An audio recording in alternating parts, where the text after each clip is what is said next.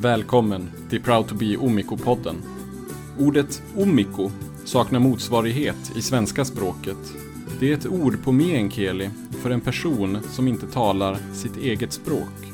Ett ord för alla oss tornedalingar, kväner eller lantalaiset som tappat meänkielin, språket som våra föräldrar eller far och morföräldrar pratade. I den här podden intervjuar jag olika omiko och frågar hur det blev så här. Varför pratar vi inte meänkieli? Kan vi vara tornedalingar, kväner eller lantalaiset utan att tala språket? Och vad väntar för minoritetskulturen efter den stora försvenskningen av Norrbotten? Mitt namn är Daniel Fjällborg. Välkommen till Proud to be Omiko.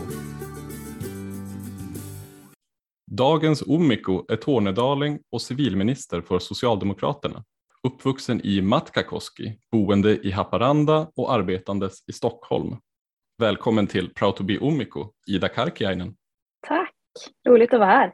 Vad kul att du ville vara med. Det låter ju som att du reser en del i livet just nu. Det gör jag, men det har jag gjort egentligen alltid skulle jag säga. Jag har eh, ju pluggat på universitetet i Luleå när jag, medan jag bodde kvar i Haparanda. Så att är van att, att veckopendla eller pendla fram och tillbaka. Oavsett eh, var i livet jag har befunnit mig så har jag alltid varit i rörelse. Du blev ju civilminister ganska nyligen i slutet på november va? Precis, 30 november. Vad gör en civilminister egentligen? Vilka frågor har, har du hand om och så? Ja, det kanske inte är den mest eh, kända portföljen. Vi brukar prata om portföljer när vi pratar om vilka områden man har som minister. Men jag har ju då som civilminister ansvaret för kommuner, regioner, statliga förvaltningen eh, och frågan om offentlig upphandling. Okej, okay. men vi ska ju prata om ditt ursprung i, i Tornedalen och hur det är att vara tornedaling utan att prata meänkieli fullt ut eller ha, ha det med sig. Hur mycket meänkieli kan du, skulle du säga? No, kyllä mä ymmärrän, mutta ei puhu niin hyvää. Eh, jag förstår väldigt mycket meänkieli, men jag pratar inte det flytande. Är det så att eh, du slänger in lite grann här och där när du pratar med, eh, med andra som pratar meänkieli eller pratar du mest svenska bara? Jag pratar mest svenska men jag försöker också aktivt att träna mig och öva mig på att använda mig av uttryck. Sen finns det ju en del uttryck som vi såklart använder oss mycket av. Nonin är ju ett sånt där vanligt eh, härligt, eh, härligt uttryck som, som är väldigt användbart. Så jag försöker ju också använda mig av mycket mycket uttryck som, som eh, ja, men är väldigt funktionella. Eh, det, det brukar jag göra. Så, men jag försöker också aktivt träna mig i att använda mig mer av, av eh, finska och meänkieli så att jag blir bättre på att prata det. Hur, hur gör du då när du aktivt tränar det i vardagen så att säga? Ja, men öva mig på att prata i affär till exempel. Jag bor ju i Haparanda så det är ju en väldigt tacksam plats att bo och leva på om man vill öva sig på, eh, på meänkieli eller finska. Vi har ju Torneå som ligger extremt nära oss och som är en, vi är ju nästan en integrerad stad, Haparanda och Torneå tillsammans. Det finns ju ingenting eh, däremellan förutom nu under pandemin ett stängsel som har, har eh, brutit egentligen våra två stadsdelar isär. Men vi, vi är verkligen även om vi är på två olika sidor eh, älven och befinner oss i två olika länder så är vi en, ett samhälle. Och det är väldigt tacksamt att öva på, öva på både finska och meänkieli här. Jag är ju själv från, vad ska man säga, nordvästra, verkligen uppe i Malmfälten, Tornedalen. Och jag har inte så bra koll egentligen på, på södra södra delen av Tornedalen, du vet mot, mot Haparanda där. Mm. Hur ser det ut med språkkunskaperna bland den yngre generationen kring Haparanda och, och Matkakoski där du är uppvuxen? Är det många, många yngre som pratar med meänkieli eller hur ser det ut? Det är framförallt en dominans av finskan här skulle jag säga. Eh, vi har ju haft en, en väldigt stor, till och med majoritet av människorna som bor här har finska som modersmål. Eh, och en del har meänkieli. Men meänkielin är ju, är ju starkare i norra Tornedalen än vad den är här. Här är finskan lite mer dominerande. Men som jag som är född och uppvuxen i Matkakoski som ligger då fyra mil norr om Haparanda. Eh, där har det varit ett, en blandning. Så ju högre upp i Tornedalen man kommer desto mera, mera blandat blir det och desto mer meänkieli blir det. Eh, I en salig, eh, härlig eh, mix. Så det är många som kan kan finska. Eh, det är också många som kan meänkieli eh, och det är många som blandar hej vilt. Så skulle jag nog vilja, vilja säga. Men det är också många, många unga som precis som jag har tappat språket och inte har fått det med sig från början. Och som, som eh, boendes i Haparanda så har ju det varit en, det har ju känts som en funktionsnedsättning att inte kunna, kunna prata finska eller meänkieli flytande. På vilket sätt blir det ett hinder? Eftersom det är så starkt dominerat att man kan alla språken eh, och framförallt att, man kan, att finskan är så starkt dominerande så har det ju varit eh, jobbigt att inte kunna prata flytande och inte kunna prata ordentligt. Hur ser din bakgrund ut i meänkieli? Vem har pratat språket runt omkring dig eller finska och meänkieli då som du säger en blandning däremellan? Mm. Både mamma och pappa är ju födda och uppvuxna i Haparanda. Min eh, morfar var från Kärrbäck och min farfar eh, är ju född och uppvuxen på gården som heter Karkiainen i Matkakoski, där mina eh, förfäder och förmödrar har bott och vuxit upp under en, eh, väldigt, många, väldigt många år. Och min mormor är från, eh, från Torneå och min farmor är från finska Ylitornio. Så att man kan säga att, att halva, om man tittar på, på mina mor och farföräldrar så är halva halva dem från, från Finland och halva från, från Sverige. Eh, och däremellan så har vi då ett, ett sammelsurium av både finska och meänkieli som, som har pratats. Det inte, har inte alltid varit lätt att göra någon distinktion mellan, mellan det.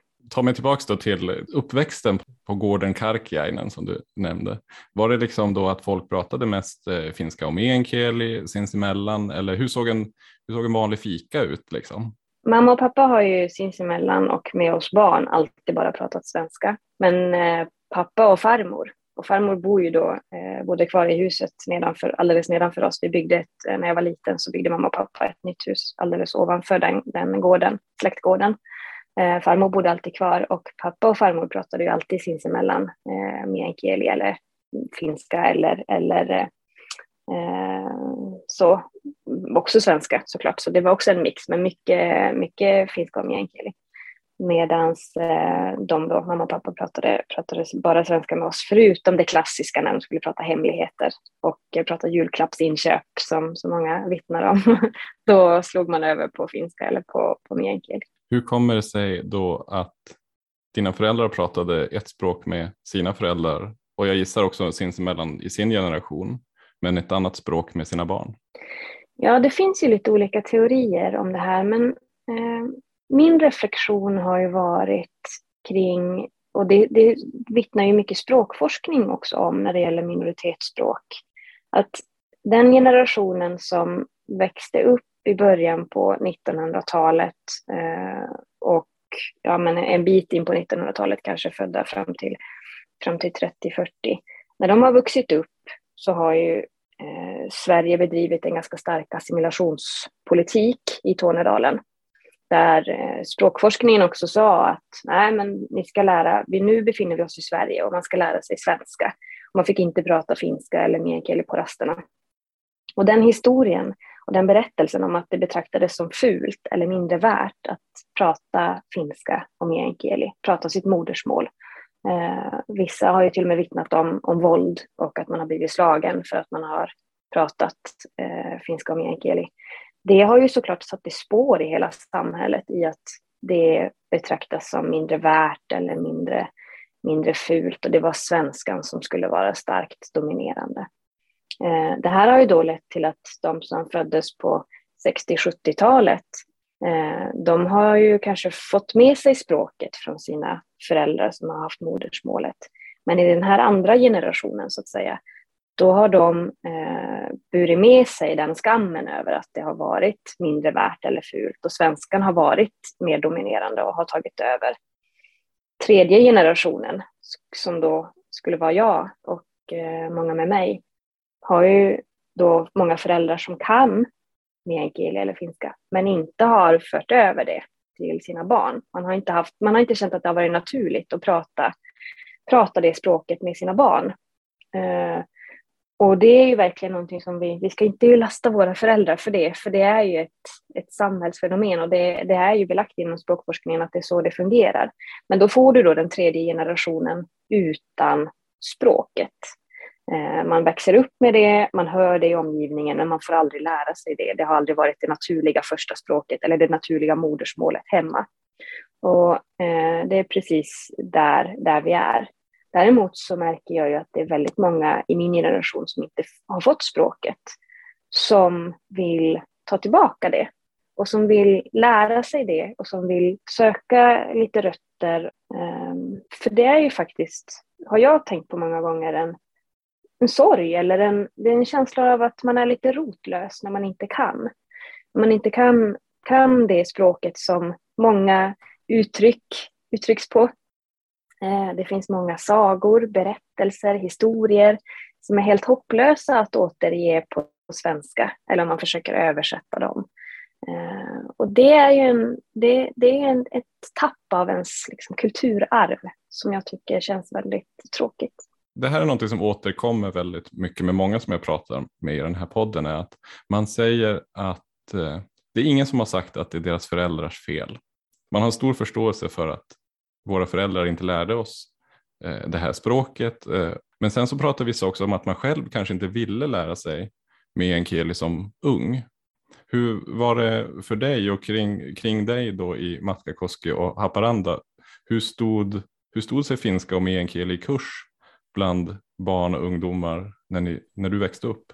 Ja, jag vittnar om precis samma sak. Det stod inte så högt i kurs. Det var eh, mer intressant att lära sig franska eller spanska. Och nu i efterhand kan jag ju verkligen känna hur dumt det var att inte välja finskan på högstadiet som språk eller eh, på gymnasiet. Det hade ju verkligen behövt, verkligen varit, eh, varit bra. Men det, det kan man ju vara efterklok i och, och tycka, men det var så. Det var, man kan ju inte göra om det, men eh, man kan önska att, man, att det hade varit på ett annat sätt, men man måste också förstå att det fanns strukturer och det finns en kultur och det finns en historia som gör att det har blivit som det har blivit. Och eh, det kan ju vi försöka ändra på såklart. Nu är ju en stark del i varför också meänkielin och finskan försvann från, från oss det handlar ju också om vad språkforskningen sa. Där språkforskningen menade på att nej, men du ska inte lära barnen flera språk i början för att det kommer att göra att barnen blir svagare i alla språken. Nu visar ju språkforskningen precis tvärtom, att ju fler språk som man lär sig när man är liten och när man är barn, desto bättre. Så nu uppmuntrar ju skolorna, förskolorna eh, till att barnen faktiskt ska lära sig finska och meänkieli eh, jobbar jätte, med jättemånga spännande uppslag och aktiviteter kring just språk och hur, hur barnen kan möta, möta olika språk i skolan. Det gjorde man inte på min tid och det är ju inte jättelänge sedan.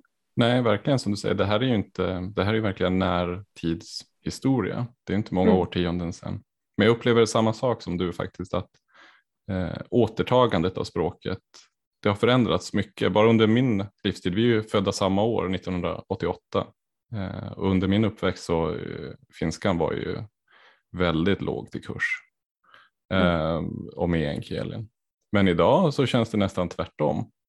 Mm. Eh, att, att det börjar liksom att, att komma tillbaka så att folk ser en, en, stor mening i, i sitt minoritetsspråk. Så det här har hänt liksom i, i, i din omgivning och i din familj. Men försvenskningen tänker jag på då. Har ni pratat någonting om det sinsemellan? liksom dina föräldrar och du, har ni diskuterat det här senare? Inte senare, men jag har väl frågat någon gång varför jag inte har lärt mig eller fått lära mig finska och meänkielin. Eh, och eh, vi har haft en diskussion om just det här med, med att skuldsätta sina föräldrar för att man inte, man inte kan språken. Eh, men vi har inte diskuterat det jättemycket för det är ju jag förstår dem. Jag förstår ju varför, varför det har blivit så att finskan och meänkielin inte är överförd till den tredje generationen och att man inte heller har känt att det har varit någonting som har varit naturligt att prata med sina barn eller föra över till sina barn. idag finns det ju en, en stor medvetenhet, upplever jag det, bland många föräldrar som får barn, att nu ska vi prata, nu ska ena föräldern prata det språket med sina barn, eller nu, nu eh, har vi någon släkting som, som aktivt pratar och språkbadar eh, sina, sina barnbarn till exempel. Och det är ju väldigt värdefullt, men det finns en medvetenhet om det och det finns, som du, precis som du beskriver, en vilja av att ta tillbaka språket och att, att eh, inte känna, eller känna en stolthet över det. Eh, när det tidigare har varit och funnits en skam över, över det. Eh, och det är ju fantastiskt att det har vänt från att, att känna skam över att prata ett språk till att vår generation idag känner en stark stolthet över att komma där vi kommer ifrån och eh, att vi har en, en, eh, en rikhet i eh, kulturen och i, i eh, historien och i traditioner och i språket. Hur är det då att ha de här konversationerna då inom familjen eller med, din, med dina föräldrar om, om språkförlusten? För själv så upplever jag att det inte är den lättaste konversationen att liksom öppna dörren till och prata om vad som har hänt och hur det kommer sig att det blev som det blev. Nej, och jag tänker att det är samma för mig. Det, det är vad det är på något sätt. Ja, på något sätt för mig också. Jag flyttade också söderut till Uppsala och, och pluggade. Och det är så himla naturligt när man är i Tornedalen eller i Lannanma uppemot liksom norra Tornedalen. Det är så himla naturligt att man inte pratar samma språk som sina föräldrar. Och det är inget konstigt, det är som det är. Och sen så kommer jag till södra Sverige och inser att de flesta har det inte så här. Det är inte, det är inte helt normalt, mm. upplevde jag. Hur eh, upplever du att det är då att vara omiko? Eh, att inte prata sitt, så att säga, sitt modersmål eller sitt minoritetsspråk? Jo, framförallt sorgen över att inte förstå allting som sägs. Och just i att det är så mycket av ens historia och så mycket av, ens, av, av en kultur som sitter i språket, som sitter i uttrycken, som sitter i att beskriva de gamla fiskeredskapen eller de gamla platserna eller sånger, sagor, eh, vaggvisor. Allt det blir ju så svårt att översätta till något annat språk. Det måste man kunna för att på något sätt bottna i det och förstå eh, betydelsen och innebörden i, i de uttrycken. Och det har jag ju känt en sorg över att jag inte har, inte har kunnat och inte har kunnat förstå helt till hundra procent vad farmor menade när hon sa sådär eller vad, eh, var, varför man uttryckte sig på det där viset. Eh, vi har haft många, i vårt hem i Matkakoski så var dörren alltid öppen för, för liksom byns eh, gubbar och tanter. De kom alltid och satte sig i gungstolen och drack en kopp kaffe på helgen och pratade och berättade om någonting. Vi är också en salig blandning av svenska, finska och meänkieli. Och att inte alltid då förstå det heller, det, eh, det är ju det är sorgligt och det kändes ju verkligen som en, en, en förlust. Eh, och någonting som, som skaver. Men eh, eh, det finns ju samtidigt en stolthet över att eh, vara där jag är ifrån. Framförallt när jag kommer till, det är ju också lite konstigt, när man kommer någon annanstans så blir man extremt stolt över eh, att man ändå har en rikedom. Även om jag kan väldigt lite finska och meänkieli och inte kan prata flytande så kan jag ju ändå så pass mycket så att jag eh, kanske till och med prata lite mer när jag är någon annanstans än här hemma i Tornedalen. Hur gör man då för att känna tillhörighet till eh, den här kulturen och den här platsen som är Tornedalen när man inte har språket med sig? Har du några tips? Vi är ju ändå några stycken omiko där ute i världen som behöver lite vägledning. Ja, men jag tänker att det finns eh, många saker man, man ändå kan känna Eh, känna glädje över. Jag har ju också funderat mycket på det här med språket och jag har ju också följt den här debatten där vissa har hävdat att man inte kan känna sig som en tornedaling om man inte kan meänkieli eller man ska inte få kalla sig för tornedaling om man inte kan meänkieli. Och den debatten tycker jag är eh, Eh, den är framförallt den är sorglig, men jag har aldrig känt att jag har tagit till mig av det. Jag är och älskar Tornedalen och tycker att det här är världens finaste plats på jorden och vill, eh, jag menar väldigt stolt över att få, få vara härifrån. Och inte minst då med tanke på att vi ändå har en kultur som oavsett språket, men den är på något sätt språklös också. Det handlar om någon form av medmänsklighet, någon form av ja, men lämna kvasten framför dörren för att visa att man inte är hemma. Eh, en, en tillit och en gemenskap i samhället som inte kanske finns på andra platser lika, lika mycket. Men eh, vi har ju fantastiska traditioner också om man tittar igen, ja, men vad, vad, som gör oss unika. Ja, men med bastun och med närheten till Finland och eh, med den här språkmixen som vi har. Eh, med att vara ett, ett gränsland, både i språk men också i att vara så nära. Vi delar älven tillsammans och vi, eh, vi har en tradition av att i, i den ganska stora regionen också hjälpas åt och arbetspendla och man har, eh, när det har behövts arbetskraft i gruvan så har många tornedalingar åkt dit för att, för att jobba. Och, Ehm, ja, men vi, vi hjälps åt. Vi har också men, starka såklart traditioner och koppling till, till naturen som är mycket likt det samiska eh, kulturarvet med att vi, vi ändå vi förstår att vi inte kan leva i ett slit och slängsamhälle. Vi väver trasmattor för att, från gamla kläder för att eh, ja, men, inte slänga bort någonting och inte tappa bort, bort eh, något material. Vi eh, lever väldigt nära naturen och jagar och fiskar och, och försöker följa, följa mm, naturens balans på något sätt. Så att mycket av de där sakerna, det är ju det är också språklöst ibland. Det behövs inget språk för att man ska kunna vara stolt över det. Och de traditionerna bär ju vi med oss, även om inte vi har fått just meänkielin eh, naturligt. Du är ju nu väldigt mycket i politiken kan vi ju säga. Blivit minister nyligen i regeringen, kommit så högt upp man kommer i politiken nästan i, i liksom nationellt i Sverige. Stöter du på meänkieli och minoritetsfrågor som politiker någonting? Ja, det kan man väl säga. Eh, som civilminister så handlar det ju också om att se alla kommuners och alla regioners eh, särskilda förutsättningar och särskilda, vad ska man säga, eh, vad som präglar dem. Eh, och där finns ju minoritetsspråket som en viktig, viktig del och, och hela förvaltnings, hur, hur eh, kommuner kan förvalta minoritetsfrågorna på bästa sätt och urfolksfrågorna på bästa sätt. Men de frågorna ligger inte riktigt hos mig, de ligger ju hos eh, bland annat kulturministern. Men jag satt ju faktiskt som ledamot i kulturutskottet första mandatperioden när jag kom in i riksdagen 2014 till 2018.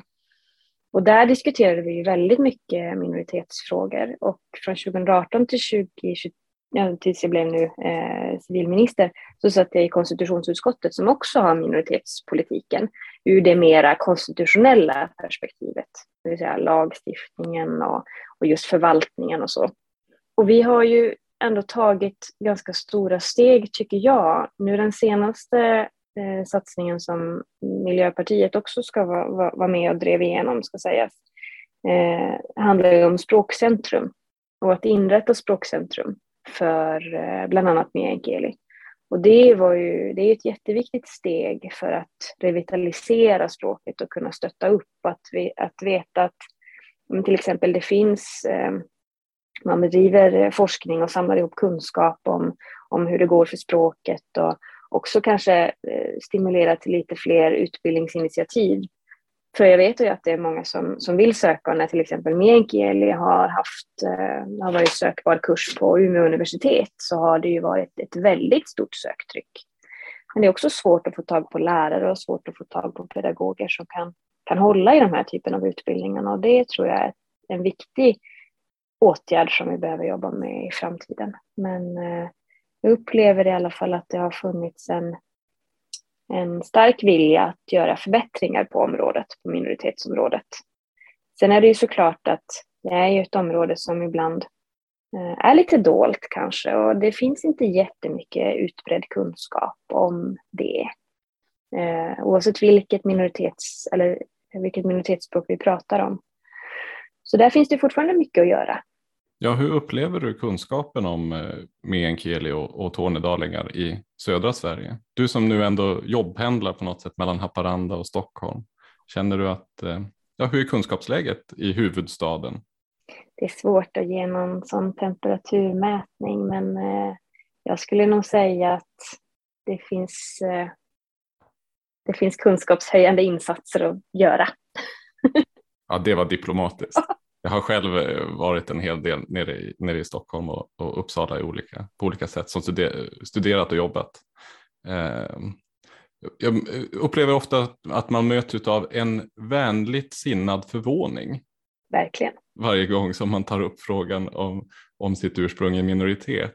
Eh, speciellt liksom den nord, nordliga minoriteten. Jag tror att eh, kunskapsläget är inte så högt. Man får ofta börja med en liten föreläsning känner jag. Mm, precis.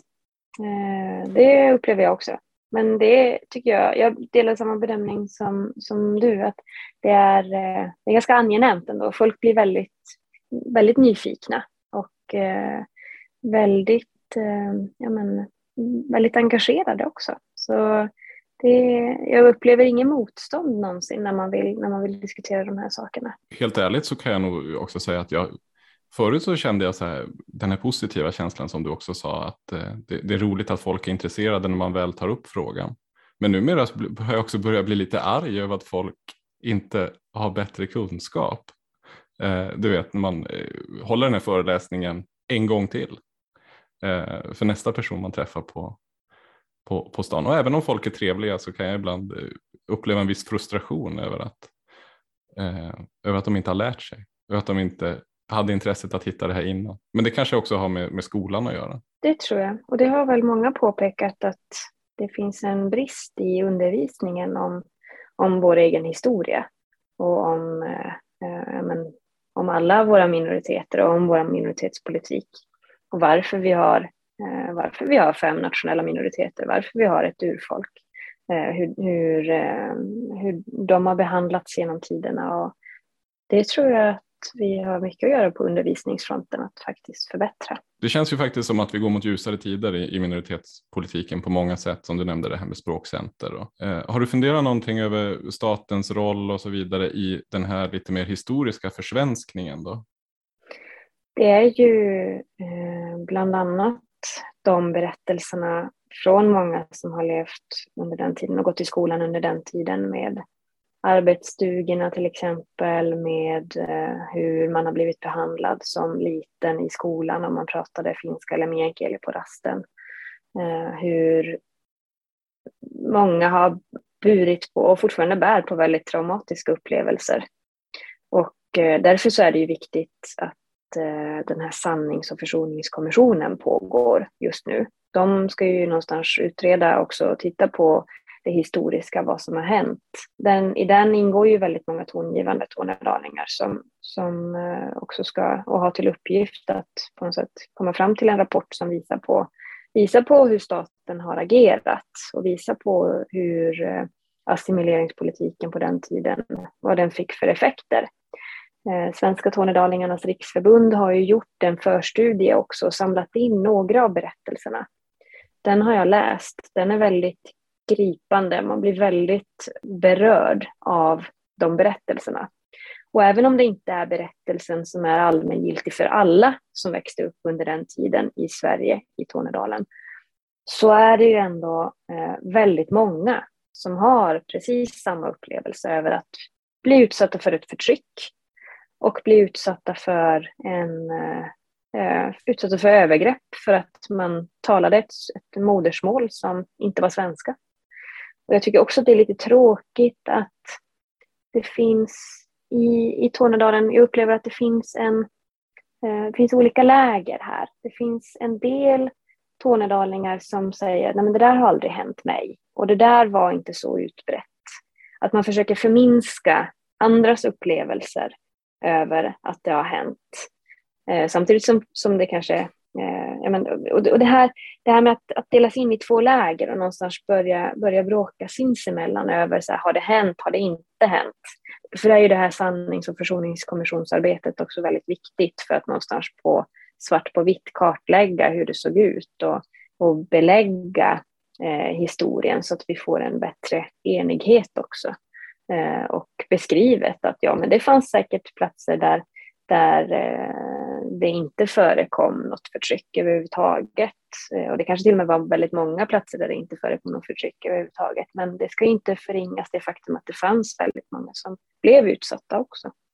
Det viktigaste vi kan göra är ju ändå att berätta det vidare och berätta, föra berättelserna vidare och dra lärdom av det och dra lärdom av att den här politiken, när den såg ut på det här sättet, den, den fick de här effekterna och fick den här, de här följderna Eh, och skapade det här förtrycket som människor blev utsatta för.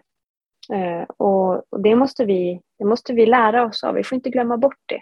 Det är eh, viktigt för vår generation att vi inte tappar det, inte tappar historien. Även om vi också ska blicka framåt såklart och se hur vi kan hur vi kan eh, jobba framåt och jobba för att Tornedalen och den tornedalska kulturen och meänkielin inte ska dö ut så behöver vi också minnas hur det var och sprida kunskap om hur det har varit. Bra övergång du gjorde där mot framtiden, för det var det jag tänkte vi skulle vända oss mot lite grann nu. Eh, och som jag har förstått det, du har två barn Liv är åtta år och Iris är sex år. Ni, din sambo, pratar han någon meänkieli eller har den bakgrunden? Eller? Han har mera finska eh, i sitt språk. Han har eh, finska som modersmål. Eh, hans eh, mamma är från Torneå och eh, har finskan och hans pappa är från Sangijärvi så där fanns det det gick en ganska stark språkig gräns där så att de hade ju, det var ingen finsk, eh, finska eller meänkieli i Sangjärvi. Så att eh, Mattias han pratar, eh, han har haft finskan som modersmål faktiskt. Men han har ju också känt att det har inte varit hans naturliga språk att prata med barnen. Även om han kan finskan så är inte det hans, Eh, idag är inte det hans första språk. Och han har inte heller velat liksom medvetet prata finska med barnen. Men däremot så har Mattias eh, mamma, min svärmor, hon har eh, tagit det som mission och som uppdrag att eh, prata finska med barnen. Och eh, det har jag varit väldigt tacksam för. Så hon pratar finska med barnen och eh, barnen kanske inte har varit jätteduktiga på att svara svara på finska framförallt nu, men de har ju fått, de har ju fått en ryggrad åtminstone.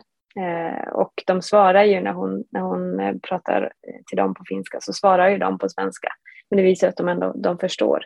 Sen försöker vi verkligen uppmuntra finskan genom att eh, slå eh, två flugor i en smäll kan man väl säga. Jag brukar försöka läsa lite finska sagor för dem och läsa lite finska barnböcker. Och det gör ju att jag får träning i i finskan som språk och också vi har ju faktiskt, det har ju kommit fler och fler barnböcker på meänkieli som är väldigt fina och det är ju också en skatt. Eh, så att när jag läser det för barnen så tränar ju jag också mig i, i språken vilket är eh, fantastiskt kul. Så att, eh, det försöker jag göra och bidra med men vi försöker, även om inte varken jag eller Mattias pratar finska eller meänkieli med barnen hemma så eh, försöker vi åtminstone uppmuntra dem till att det är viktigt att lära sig och att det är, eh, det är eh, värdefullt att kunna många språk. Mm.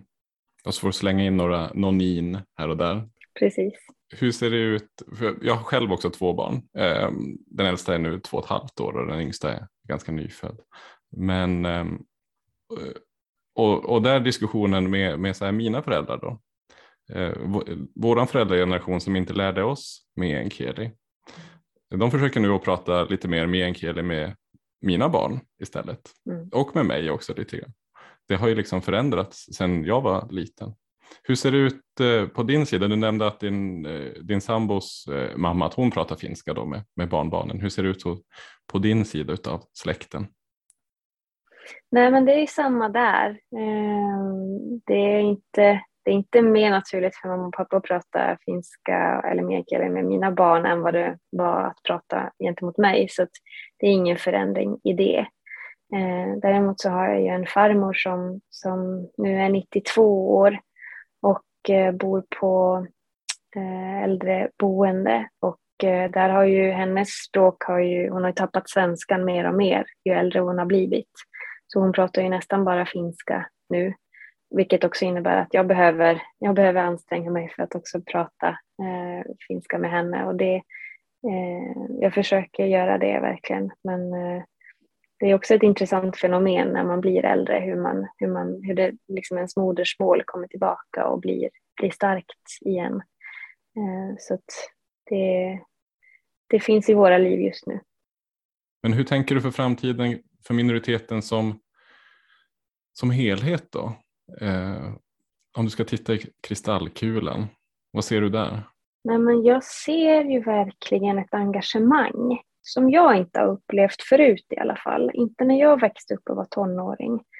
Men dagens tonåringar som är från Tornedalen har ju en, en Även om jag också är stolt över min bakgrund så det, finns det en ännu större stolthet idag upplever jag det som. Och just ett, ett stort intresse och ett stort engagemang över att ta Eh, tillbaka språket, synliggöra Tornedalen och tornedalingar, synliggöra meänkielin eh, och på något sätt eh, visa att, att, eller försöka sprida kunskap om det. Och det, det engagemanget känns ju otroligt hoppfullt för framtiden och för framtida generationer.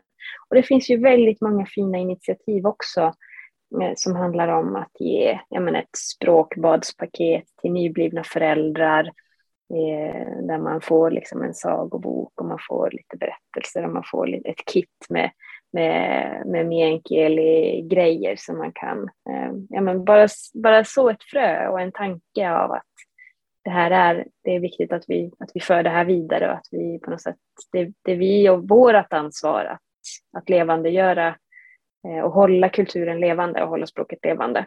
Det är ingen annan som kommer att göra det åt oss utan det är vi, det är vårt ansvar och eh, vi behöver göra vad vi kan för att, att eh, bidra till det. Det finns väldigt många roliga initiativ där och jag tror att det kommer att bli ännu, mera, ännu flera initiativ med tanke på, på inrättandet av Språkcentrum bland annat och, och de, eh, de insatser som görs både från politiskt håll men också som kommer från civilsamhället i Tornedalen och på, eh, från andra håll. Vad vill du själv göra i relation till minoriteten i framtiden? Jag vill ju framförallt vara en god ambassadör. Det tänker jag att jag har en väldigt bra plattform för eh, att nå ut och berätta och eh, ja, men, eh, visa på, på min bakgrund och visa på att eh, det finns en minoritet som inte kanske är så känd och eh, vilka fenomen och vilka, vilka saker som vi, vi brottas med. Jag har nämnt det faktiskt några gånger i riksdagsdebatter under eh, min tid eh, i riksdagen och det tänker jag att jag ska fortsätta göra för det är, vi bär på viktiga betraktelser om om samhället och hur eh, samhället har behandlat minoriteter genom åren och genom tiderna. Och det vi nu brottas med det är ju framför allt att, att inte få minoriteterna och minoritetsspråken att dö ut. Och det är ett stort beting för framtiden. Mm. Det känns ju också ganska bra att ha någon med den här bakgrundskunskapen i regeringen, måste jag ändå säga. Ja, jag ska försöka göra mitt bästa för att för att bära det med mig och visa på det och synliggöra det. Du, eh, jag börjar få slut på frågor. Finns det någonting som du känner att eh, vi inte har pratat om som du hade velat prata om? Jag tror inte det. Jag tror att vi har gått igenom väldigt mycket av eh, mina betraktelser i alla fall på att vara tornedaling och att eh, inte kunna meänkieli eller flytande och vilken, vilken sorg och hur opraktiskt det har varit Eh, så eh, det var väldigt fint att få dela med sig av det. Då får vi väl säga nonin. Nonin. Tack så hemskt mycket Ida Karkiainen för att du ville vara med i Proud to be Omiko och berätta din historia. Tack. Tack för att du lyssnat på Proud to be Omiko-podden. Följ oss gärna på Instagram för uppdateringar om nya avsnitt. Eller besök vår hemsida www.omiko.se. Proud to be Omiko gjordes med stöd av Svenska Kväner Lantalaiset en dotterförening till Svenska Tornedalingars riksförbund, Tornion Laxon Laiset. Musiken ni hör i bakgrunden är Vi är också här, Olen Däle med Gammal. Teknisk support och design gjordes av Martin Lindvik. Mitt namn är Daniel Fjellborg.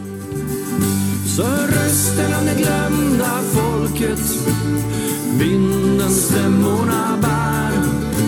Genom dal över fjäll så ropar vi att vi är också här. Håll